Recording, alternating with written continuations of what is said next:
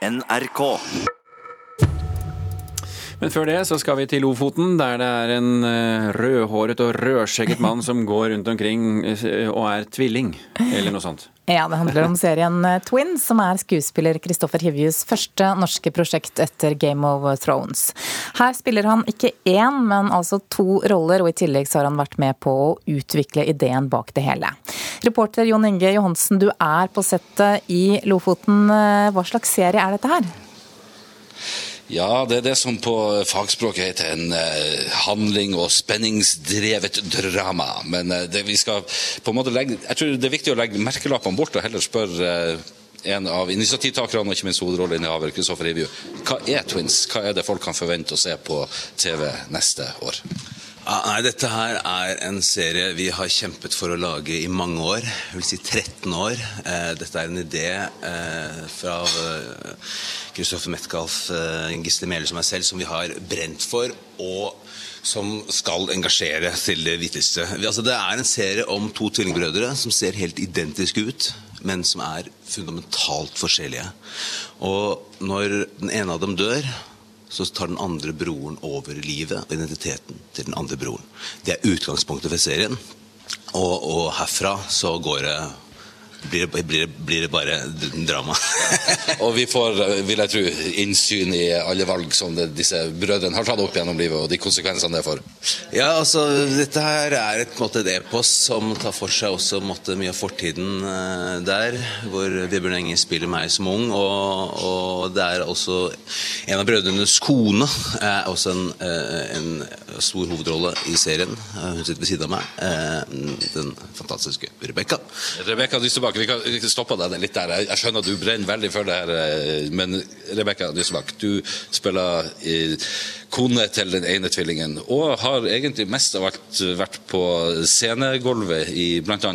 Hålogaland teater. Hvordan er det å skal være med i en TV-serie nå, da, sammen med superstar Hivju?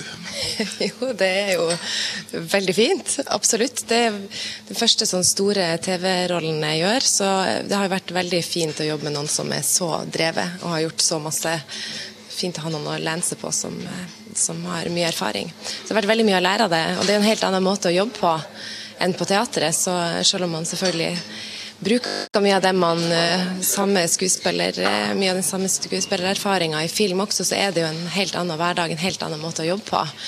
Som har vært veldig spennende å dykke inn i. Mm.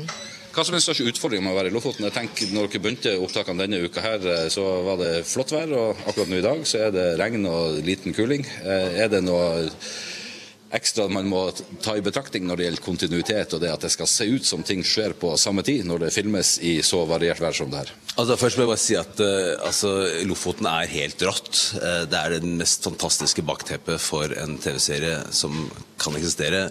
Min kone presenterte dette for meg for ti år siden, og det tok meg med storm. Uh, så her er det forandring i, i været hele tiden, men det er den forandringen i karakterene som måtte skildrer måtte, temperamentet og og de store skiftningene i alle karakterene. For vi kommer til å bruke naturen som en del av fortellingen. Så eh, Lofoten skal ikke bli India. Med referanse til Mission Impossible, hvor Preikestolen bare ble et fjell i Kashmir. Eh, men hvorfor valgte man Lofoten? Hva er, det som er spesielt med bakteppet her, da, utover det at det er en fantastisk natur? Nei, altså er, Du har fjellene rett opp som et, nesten et stort fengsel, og du har måtte, havet, har rå havet rett ut. Det er måtte, rått og ubarmhjertig. Eh, og, og, denne historien er på en måte, et, eh, er måte rå og ubarmhjertig fordi at det er to mennesker som, som befinner seg i en, en vanvittig situasjon, og som tar noen ganske spesielle valg som gjør at de, de tvinnes inn i dette fengselet av løgn og, eh, og identitetsskifter. Eh, Vi skal ikke gå for mye inn i handlinga, men Rebekka, Rebecca, når dette kommer på TV neste år, hvordan, eh, har du allerede lagt noen andre planer, eller kommer vi flere eh, på TV? Har ikke peiling. Nei, det er vanskelig å si. Altså, jeg har jo jobba mest med teater fram til dette, og nå syns jeg det har vært veldig spennende å jobbe med TV. Så vi får se hva som skjer. Eh, jeg syns den vekslinga mellom å kunne jobbe med forskjellige ting er veldig fin. Nye forskjellige utfordringer. Og, så foreløpig vet jeg ikke hva jeg gjør etter dette. Det er jo litt spennende òg. Mm. Kristoffer det blir jo ikke mer Game of Thrones, eller kommer det en sequel der? Eller kommer det til å bli en Twins 2 når det her er ferdig?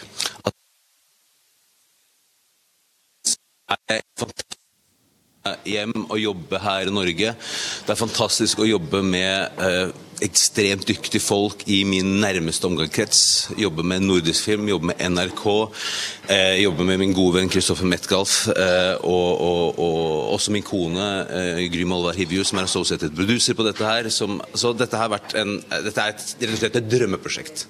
Ok, så på NTV i 2019. Vi fikk ikke helt med oss ut annonseringen der, Jon Inge Johansen. Uh, det var litt dårlig lyd, men uh, vi fikk i hvert fall med oss det viktigste, nemlig Kristoffer Hivju og Rebekka Nystadbakk direkte med fra Unstad i Lofoten. Under motedagene Oslo Runway i år så gikk for aller første gang en modell på catwalken med hijab, og flere mener at dette er en del av et skifte i motebransjen. Da jeg vokste opp, så var det kult å liksom åh, oh, jeg vil bli modell. Jeg hadde den tanken, da.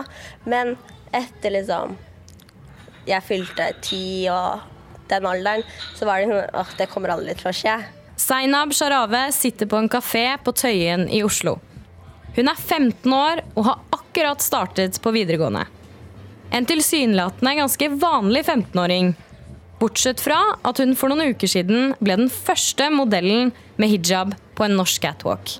Øyvind Ruud driver designkontoret OFC, som brukte Zainab som modell på Oslo Runway i år. Han forteller at han raskt falt for hennes sterke personlighet under castingen. Så det å en se en så liksom sterk og flott uh, personlighet med hijab var for meg noe veldig interessant. Det var ikke bare vi som ønska Zainab, men alle de andre eh, designerne hadde også lyst på Zainab. Så det kan jo si litt om at den eh, flerkulturelle og liksom variasjonen da, er noe som flere er opptatt av. At mangfold er inn, det er en del av et større skifte i motebransjen, mener Ruud. Man har lyst til å se modeller som ligner på seg selv. Upolerte, med sterke karaktertrekk og personlighet. Grunnen til dette skiftet er rett og slett at makta har flytta seg. Fra bransjen til forbrukerne. Han får støtte av moteviter Ida Eritsland. Nå kan folk også si sin mening om ting og nå ut på en, helt annen grad enn tidligere. Det forandrer eh, gamet, og det har det allerede gjort. Tidligere har det vært litt at eh, Litt grovt sagt, altså den får deg til å føle deg dårlig for å så tilby deg løsningen. Eh, det tror jeg kommer til å forandre seg nå. Hun var født gutt, ja, så det er kult, da. Og så har de jo inni her så har de jo mørke modeller. De har jo de to tvillingene. Influenser Ravda Mohammad blar gjennom ferske moteblader som hun har liggende i studenthybelen sin. Som ligner mer på et motestudio enn en alminnelig toroms. Eh, her har jeg alle hijabene og de fargene jeg skal prøve ut. Og så er det da eh, skjørtene mine som jeg tenker eh, passer til denne sesongen. Gul, oransje og mørkebrun. Forskjellige brune nyanser. For noen år siden så ga hun ikke kjøpe et eneste moteblad. For hun visste akkurat hva hun kom til å få. Høy, tynn, hvit. Nå ser hun en tydelig endring. Så det, det, er veldig kult at det er veldig forskjellig nå. At det er ikke bare de tynne, hvite, høye modellene. Influenseren fikk i likhet med Zainab mye oppmerksomhet under Oslo Runway. Men da hun var yngre selv, så fant hun aldri noen forbilder som lignet på henne som hun kunne se til for moteråd. Nå får hun selv henvendelser fra yngre jenter med hijab. De har lyst til å vite hvordan for man kan gå inn i Hennes og Maurits og handle når man går med hijab. Hvordan jeg gjør det, og hvor jeg kjøper forskjellige plaggene mine fra. Selv om Zainab bare er 15 år, blir hun også kalt et forbilde. Hun har fått mange kommentarer på sosiale medier etter at hun gikk på catwalken under Oslo Runway. Og du gjør, som, uh, du gjør, noe mange ikke tør å gjøre. Du er helt rå på det. I tillegg til det er du med på å åpne døren for mange. Sykt, sykt, sykt stolt av deg. Dette er bare starten, inshallah. Reportere her det var Kaja Marie Andreassen og Munever Gildis. Så til en annen sak som får oppmerksomhet i dag. Kronprinsesse Mette-Marits sønn, Marius Borg Høiby, Høiby, stiller opp i et ukeblad denne uken. Og hva slags reportasje er dette her, kollega Kari Nygaard Tvilde? Han har stilt opp i et intervju i Vogue eh, sammen med kjæresten sin Juliane Snekkestad. Og Der er de guider i Oslo. De viser fram steder for shopping, mat, skating og rett og slett hvordan en kan ha en romantisk dag i hovedstaden. Så er det mange av oss som husker det, at Slottet tidligere har sagt at de ønsker at mediene skal la Marius være i fred. Det var jo et oppslag i Se og Hør som gjorde at Slottet skrev at de har, eh, vil at Marius ikke skal omtales så mye i pressa. Nå sier eh, ekspert på presseetikk Gunnar Bodal Johansen til Dagbladet at dette her oppslaget vil gjøre at Marius må finne seg i større oppmerksomhet fra media. Carl Erik Grimstad, som er tidligere tilsatt ved Slottet, han setter liten pris på at Slottet gir føringer for media. Og han mener at Marius stiller opp i dette intervjuet for å tjene penger. Kongehuset de har ikke uttalt seg om saken. Kan vi få høre mer om den saken etter hvert. Eh, området rundt Operaen i Oslo det er tema i en reportasje i Aftenposten i dag. Kulturvernarbeider Else Sprossa Rønnevig sier til avisen at operaen ikke lenger ligger flott og åpent til, og at vi må våkne før omgivelsene blir ødelagt. Rønnevig mener operaen, området rundt operaen har blitt ødelagt av planløs utbygging. Og hun, eh, Operaen ble jo freda av, av Riksantikvaren i 2012. Og med utbyggingen så mener Rønnevig at det virker som, må, som om hovedstaden mangler en langsiktig plan og respekt for alt som er der allerede. Ja, For det er jo mange nye bygg som er på gang der i øyeblikket? Med utbygging på Søringa, med Munch-museet, Deichmanske bibliotek, Tone hotell opera og de nye bostadene på museumsavstikkeren, så er det flere som reagerer. Sivilarkitekt Cecilie Ville hun setter spørsmålstegn ved de budstadene, og mener at det hadde vært ønskelig med en åpen plass der. Takk skal du ha, reporter Kari Nygaard Tvilde. Så til en eh, ny TV-serie som har premiere i morgen. You do this often? Kidnapping people off the street and interrogate them. You're my first one, actually. How am I doing? Shoot me. I drop this and we all die. Ja, Det du hører her, det er fra Jack Ryan på strømmetjenesten Amazon Prime. Dette er altså serieversjonen av Tom Clancys berømte CIA-helt, og har John Krasinski i hovedrollen. Dette er jo en rollefigur som er gjort berømt på film av både Alec Baldwin, Harrison Ford, Ben Affleck og Chris Pine, og dette er Amazons forsøk på å få sin egen agentserie som ser opp til suksesser som 24 og Homeland. Morten Tyldum har regien på pilotepisoden, og anmeldelsen vår vi må ta med det da, den er basert på de tre første episodene. Sigurd Vik, det er du som har sett dette her. Hva syns du? Jo, jeg blir jo absolutt underholdt. Jeg er jo en av de som har vokst opp med spesielt da filmversjonen av Tom Clancys Jack Ryan. 'Jakten på rød oktober' var en av mine favorittfilmer som barn. Og Patriotenes spill, ikke minst med Harrison Ford, eh, også en godbit. Så det her var noe jeg hadde sett veldig fram til, og jeg fikk vel eh, i hvert fall dekt minstekravet av det jeg hadde forventa meg, nemlig en eh, helt som ikke vil ha action og eventyr, men som føler på pliktfølelsen som uh, patriot og, og, gjør det han må. Og uh, John Krasinski, en skuespiller kjent fra bl.a. The Office og skrekkfilmen A Quiet Place, som har gjort det veldig godt på kino i det siste, er, et veldig godt valg til å ta over da, den uh, ja, kjente og kjære rollen for mange som Chris Pine da sist hadde i 2014-filmversjonen av det. Så er det jo verdt å nevne at det her ikke er basert direkte på en eh, Tom Clancy-bok, for dem som hadde sittet og gleda seg til at en av sine litterære godbiter skulle havne i serieversjon. Det her er basert på rollefiguren eh, Jack Ryan, da, så det er fritt eh, tolka av de nye serieskaperne i så måte. Ja, Hva handler det om? Det er eh, rett og slett noe så amerikansk som eh, USAs fiender i Midtøsten som er skurkene her, i hvert fall tilsynelatende i starten.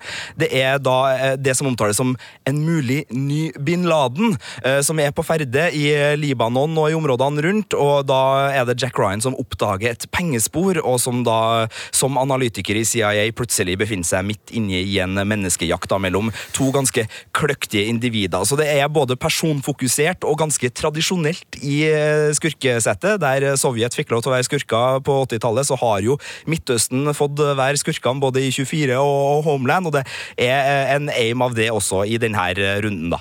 Men hva slags type etterretningsserie er dette her? Eh, Det er en litt mer nedpå serie enn f.eks. 24 og Agent-action som vi ser på kino nå i Mission Impossible.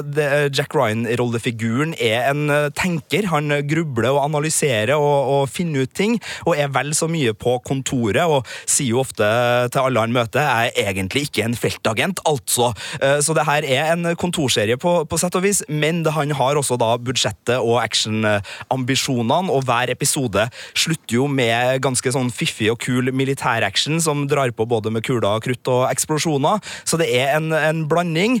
Ganske langt unna f.eks. Le Byrå, som er en fransk etterretningsserie med ganske troverdig plott som går på NRK, og litt nærmere da den enkle versjonen av Homeland. Sigurd Vik, du hører eh, jinglen under her. Det betyr vi nærmer oss eh, Dagsnytt eh, 8.30. Takk for at du var med, og så fortsetter også Nyhetsmorgen eh, videre fram mot klokka ni.